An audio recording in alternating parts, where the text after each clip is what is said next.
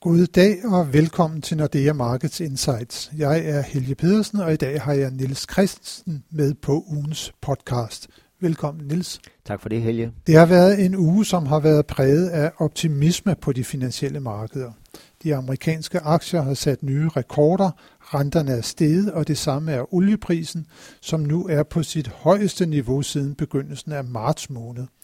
Men det måske mest opsigtsvækkende har været dollarens nedtur. Den handler her til formiddag et niveau omkring 6 kroner og 12 over for den danske krone, og det er det svageste siden foråret 2018. Og Niels, hvad er det egentlig, der driver dollaren så svag? Ja, som du selv siger, Helge, så har det været en skidt uge for dollaren. Vi skal blot en uge tilbage, der lå dollaren næsten i 6,30 kroner og som du nævner, så ligger den nede i 6,12 her til, til formiddag, så et fald på en 2-3 procent på meget kort tid, og det har været et fald, som har været undervejs næsten siden øh, præsidentvalget i begyndelsen af, af november måned. Øh, og siden da har vi set et, et fald på hele 5% i, i dollaren. Og faktorerne, der ligger bag dollarfald, ja, de er primært, som du også selv nævnte, nævnte i indledningen, den optimisme, der er på de globale aktiemarkeder, øh, hvor vi ser investorerne søge over i, i andre aktiver end dollaren. Da vi havde coronakrisen tilbage i foråret, ja, der havde vi det velkendte mønster med en dollar, som agerer sikker havn i urolige og usikre tider. Nu synes investorerne, i hvert fald når vi kigger på aktiemarkedet, ikke at der er de store usikkerhedselementer, de kaster sig i hvert fald over aktier øh, og væk fra den sikre havn i form af, af dollaren, og det gør så, at dollaren øh, falder i værdi. Men hvor meget kan den falde? Skal den falde yderligere herfra? For det, det er jo altid det gode spørgsmål. Øh, øh, og, og, og, og komme med, med et bud på, og vi har jo også vores prognose, men før jeg lige kommer, kommer, kommer frem til det, så er der et andet vigtigt element, som også er med til at, jeg vil ikke sige forstærke øh, fald i dollaren, men faciliterer det. Øh, og det er fraværet af ECB. Det, der, hvad hedder det, vi taler jo meget eller ofte om vigtige niveauer på valutamarkedet. Øh, og tidligere i år, hvor dollaren også var svækket hen over efteråret, der faldt den i dansk regning til 620, som svarer til en dollar over for euroen på 1,20.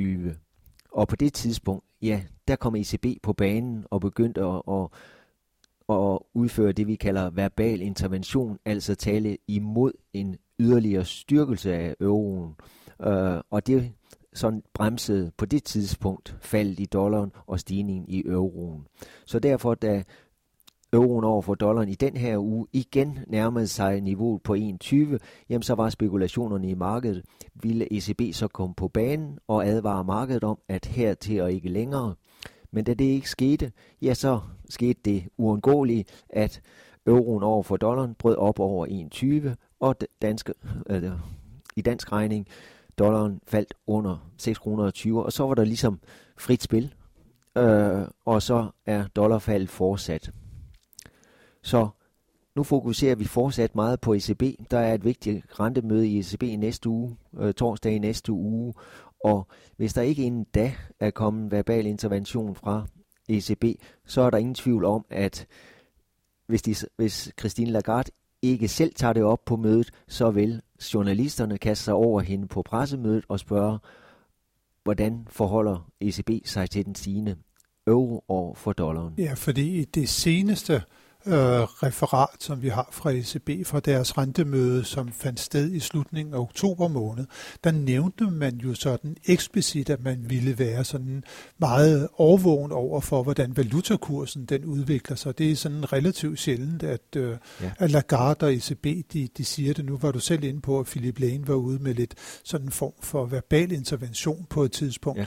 Så de har jo fokus på valutaen på en eller anden måde. Men i gamle dage var det altid sådan meget indirekte, altså valutakursens mulige påvirkning på inflationsudviklingen. Det er det sådan i dag fortsat? Ja, det er jo valutaens effekt på inflationen, som har centralbankernes øh, opmærksomhed og fokus.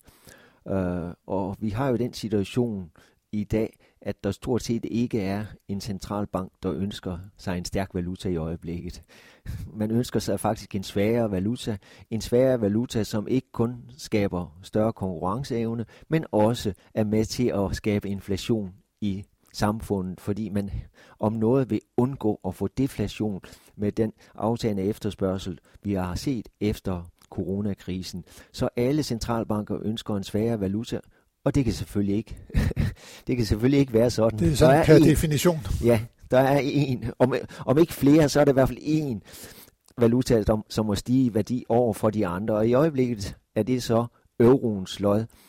Øhm, så derfor øh, er der den fokus, der er på ECB nu her, som jeg nævnte forud for ECB-mødet på, på næste øh, torsdag. Ja, det er jo helt sikkert, at ECB kommer til at lempe pengepolitikken øh, yderligere. Øh, vi forventer jo blandt andet, at man vil øge det beløb, som man køber obligationer for, eller værdipapirer for under pandemiprogrammet. Ja. Øh, men vi regner jo ikke med, at man kommer til at sætte renten ned, og er en rentesænkning ikke det mest effektive, hvis det var, at man godt ville have en svækket valuta? Jo, det vil det nok være. Øh, øh, men en rentenedsættelse på, på 10 basispunkter vil nok ikke være tilstrækkeligt. Så skulle man nok have en større rentenedsættelse. Og nu nævner du selv, at ECB har indikeret meget klart, at de overvejer at komme med yderligere kvantitative lempelser. Det må vi også tolke derhen, at ECB også er kommet til den erkendelse, at det at sætte renterne yderligere ned i negativ territorium, det er nok ikke samfundsmæssigt øh, det bedste. Øh, den bedste måde at, at skabe aktivitet og stimulere økonomien på. Det har også uheldige konsekvenser. Øh, så om de uheldige konsekvenser skulle opveje den styrkelse eller den svækkelse af euroen, man kunne få ved en stor rentenedsættelse, det tror jeg ikke, man vil gøre. Øh, så man se, trods alt se tiden an med hensyn til, øh, hvor, hvor, hvor, hvor, hvor meget yderligere euroen kom, kunne komme til at stige her i, i tiden fremover før man tager... Ja, for der har jo især været sådan en udtalt kritik fra lande som Tyskland og Østrig ja. og Holland af de negative renter og de mulige skadelige konsekvenser, som det har på samfundet, blandt andet for bankerne, men også fordi, at det måske bare fører til, at folk de sparer mere op af deres løbende indkomst af hensyn til at kunne sikre sin købekraft på den længere bane i en tid, hvor at Europa jo bliver ældre og ældre, og hvor der er mere og mere fokus på sådan noget som pensionsopsparing. Så, så der har man været øh, stærkt kritiske. Øh, den kritik øh, er det stadigvæk den, der ligesom ligger og kommer til at være hemskoen for, at ECB vil sætte renten yderligere ned. For i akademiske kredse, der siger man, der er der jo ingen grænser for, hvor langt øh, en, en negativ rente den kan, den kan komme ned. Nej, øh, meget kan, kan foregå i teoriens verden, øh, men vi ved jo blandt andet, at øh, fra den øh, svenske Rigsbank, øh, som jo hævede renterne i, ja, i, i 18 og 19, efter at have haft negative renter i flere år, de lagde ikke skjul på, at årsagen til, at de hævede renten, det var på grund af, at de så flere negative øh, effekter af de, de negative renter end positive effekter. Så de har simpelthen undladt øh, og sænke renten nu her i coronaforløbet, og i stedet for fokuseret på de kvantitative lempelser.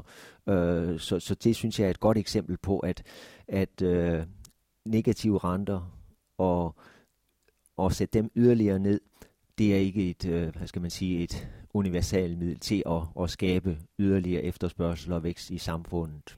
Nej, så det bliver via øh, andre ting, for eksempel en, en øvelse af det her øh, kvantitative lempelsesprogram, og det kunne også være, at man måske vil stille lidt billigere funding til rådighed for bankerne ved at sænke renten på de såkaldte tiltroer, altså de ja. øh, lån, som bankerne de kan få fundet øh, øh, øh, billig funding til i, i, igennem centralbankerne, hvis det er sådan, at de øh, låner øh, midlerne ud til husholdninger eller virksomheder, altså betinget af det.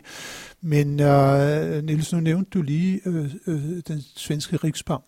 Øh, vi kunne måske også lige tage at vende øh, udviklingen i den svenske krone og den, den norske krone her, ja. skandivalutaerne ja. på det seneste. Ja, jeg synes lige, jeg skylder at, at sige vores prognose, som jeg, jeg luftede, dollarprognose, øh, luftede den, fordi vi har igennem længere tid øh, haft den forventning, at dollaren skulle falde øh, yderligere i løbet af 2021, og det ser jo ud til, at det sker hurtigere, end vi egentlig havde forventet. Øh, og de primære årsager til yderligere dollarfald, udover at vi kigger ind i 2021 med stigende global vækst øh, og dermed overvejende global risikoappetit, som hæmmer dollaren, ja, så ser vi også ind i, i en fremtid, hvor der sagtens skal komme fokus på de store ubalancer, der er i amerikansk økonomi. Betalingsbalanceunderskuddet, de årlige store budgetunderskud, som har gjort, at den offentlige gæld i USA er ved at være en møllesten omkring halsen på den amerikanske økonomi. Lidt afhængig af, hvordan man opgør den, ja, så kan den nå op på hele 130 procent af BNP. Øh, så det er nogle negative faktorer, som, som vi sagtens kan, kan, kan se øh, kommer ind på radaren på de finansielle markeder og få dollaren til at falde yderligere. Så, så vi ser risiko for, at vi skal ned under de 6 kroner her i løbet af, af 21 og, og ned omkring de øh, 5 kroner og 75. Øh, vi har det i vores prognose mod ultimo, uh, ultimo 21, men som sagt, Måske sker det tidligere, end vi forventer. Og kan vi håbe, at vi kan få lov til at rejse til USA på det tidspunkt, for der er noget, der tyder på, at det bliver lidt billigere, end det har været hidtil. Ja, der er det især den norske krone, som vi har fokus på i den her uge, og som du nævnte indledningsvis, så er olieprisen igen på vej opad. Der har været fokus på OPEC-møder i den her uge, både OPEC alene, og så også det, der hedder OPEC+, hvor især Rusland deltager i i forhandlingerne om produktionen, den daglige produktion. Øh, og der var jo en stor aftale, som blev indgået først på året om at reducere olieproduktionen, og i den ligger der, at man i begyndelsen af 2021 skal begynde at forøge produktionen med 200 eller undskyld med 2 millioner tønder dagligt. Øh, og det har OPEC-landene sådan set været, været øh, ivrig efter ikke at sætte i værk, altså fortsætte med en lav produktion for at holde priserne oppe. Omvendt er Rusland mere af den opfattelse, at man godt kan øge produktionen og dermed få lidt større indtægter. Øh, så det var de to, to øh, holdninger, der sådan skulle, skulle øh, forhandles på plads i den forgangne uge, øh, og det blev et kompromis her i går indgik øh, OPEC Plus landene aftale om, at man hæver produktionen ikke med 2 millioner tønder om dagen, men med 500. Øh, og så ser man tiden af an i, i februar og marts måned, øh, om markedet, altså prisen, kan holde til, at man øger produktionen yderligere. Så markedet tog godt imod den her aftale, og vi har set en stigning i olieprisen hen over natten, også her, her til morgen. Så vi har en oliepris, som nærmer sig de 50 dollar. Det højeste siden før coronakrisen i foråret. Øh, og en højere oliepris er selvfølgelig godt nyt for den norske krone. Jeg må så sige, at sådan personligt er jeg lidt skuffet over, at den norske krone ikke er steget mere, end den er. Den ligger sådan lige i underkanten af, i 70 øre. Øh, og det niveau har vi også set her hen over efteråret, øh, og faktisk tilbage i sensommeren var den norske krone oppe over 71 øre. Så den dollars, undskyld, olieprisstigning, vi har set øh, her på det seneste, og også i oktober og november måned, den har ikke sådan rigtig øh, styrke den, den norske krone, men alligevel underliggende er det selvfølgelig godt nyt for den norske krone, at olieprisen er på et højere niveau, så udsigterne er noget lysere for den norske krone, også når vi tager de lidt længere briller på og ser ind i øh, 21, fordi de nøgletal, vi får for norsk økonomi, de fortsætter øh, fortsat med at være ganske opmuntrende. Norge er et af de lande, der er sluppet billigst, øh, om jeg så må sige, igennem coronakrisen. Og det har de jo også været for Sverige må man sige, der er vi selv lige kommet med en opjustering af vores vækstprognose for den svenske økonomi i år. Ser nu, at den økonomiske nedgang den kun bliver på 2,9 procent, og så til næste år en pæn vækst øh, i, i, i svensk økonomi. Riksbanken har så til gengæld haft sådan lidt mørkere briller på. De kom ud med en forøgelse af deres øh, kvantitative lempelsesprogram ja. på det seneste møde, og det virker som om, at de faktorer sådan, øh, de, de rammer sådan lidt øh, med hver sin vægt på, på, på den svenske krone. Den er ja. heller ikke sådan blevet styrket måske så meget, som man Nej. kunne forvente. Nej. Øh, den, er, den er faldet lidt på det seneste faktisk. Ja, det er helt rigtigt. Uh, vi kan sige, i, i dansk regning ligger den svenske krone omkring uh, 72,5 øre Øh, og vi har for ja, er det en 3-4 uger siden set den svenske krone over 73 øre, men det er som, som om det, du er inde på, det er med Rigsbankens øh, udmelding, er det 10 dage siden med, med kvantita- yderligere kvantitative lempelser. Det har sådan taget, taget luften ud af den svenske krone, som jo ellers har det godt, når der er risikoappetit, og som du også begyndte øh, med at nævne, så ser vi rekordhøjere aktier i USA, så det burde jo egentlig give en højere svensk krone. Nøgletallene er fornuftige fra, fra Sverige, øh, men som sagt, Rigsbankens udmelding, og så måske ligger der også lidt underliggende, at udviklingen i coronasituationen i Sverige kan, kan måske gemme på lidt grimme tal øh, lidt senere. Øh, så alt i alt, øh, altså ikke nogen yderligere stigning i den svenske krone her den seneste uge eller to. Nej, det skal blive spændende at se, hvordan det kommer til at gå også med de øh, skandinaviske valutaer på den lidt længere bane. Men øh, hvis vi lige tager her og slutter af, Niels, og kigger frem mod næste uge, så må vi jo konstatere, at den alt overskyggende begivenhed, det er ECB-mødet ja. på torsdag. Der kommer også nogle nøgletal, der måske kan være lidt interessante på inflationsfronten. Der kommer inflationstal for USA på tirsdag, og øh, så øh, kommer der jo også, kan vi sige, herhjemmefra øh, inflationstal på, øh, på, på tirsdag. Og derudover, så får vi lidt nøgletal også fra, øh, fra Kina, øh, hvor at øh, det her Kaizen øh, PMI-tallet øh, det øh, også kommer der øh, fra. Øh, tror du, at det bliver en god uge på, på markederne? Begyndelsen af december her i den her uge har i hvert fald sådan været måske ikke sådan voldsomt positiv, men alligevel underliggende positiv øh, øh, på aktiemarkederne.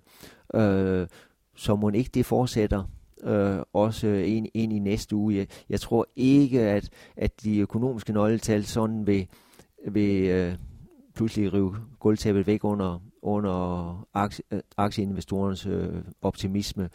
Det er, hvis der skal komme noget negativt, så er det på coronafronten. Vi følger jo stadigvæk eller øh, nøje udviklingen med coronasmittet, og den stiger jo Øh, ganske kraftigt fortsat i USA. Øh, det bliver opvejet af, af vaccinenyhederne, i hvert fald indtil videre. Men den balancegang øh, er selvfølgelig vigtig, øh, at, at nyhederne på vaccinefronten kan, kan sådan overskygge øh, antallet af smitte. Øh, så det er sådan, vil jeg nok sige, måske den vigtigste udvikling, vi skal følge her øh, i den næste uge og også øh, i de kommende uger hen til, eller frem mod øh, juleferien. Frem mod juleferien, og så kan det jo også være, at der kommer noget nyt fra Brexit-fronten. Der bliver jo forhandlet på livet løs øh, lige for tiden, og meldingerne de går sådan lidt, at det går fremad, og så går det ikke så meget fremad, men øh, det bliver super spændende at se, om de når at få, få lukket en aftale. Det gør det. Personligt tror jeg på det. Men, øh, vi krydser fingre. Vi krydser fingre for, at det kommer til at ske. Ja. Det bliver i hvert fald spændende at følge med i, også over den øh, kommende tid. Men tak for nu, Niels, og tak til alle jer, som har lyttet med. Det håber vi også, at I vil gøre, når vi igen er tilbage med analyser og vurderinger af de finansielle markeder i næste uge.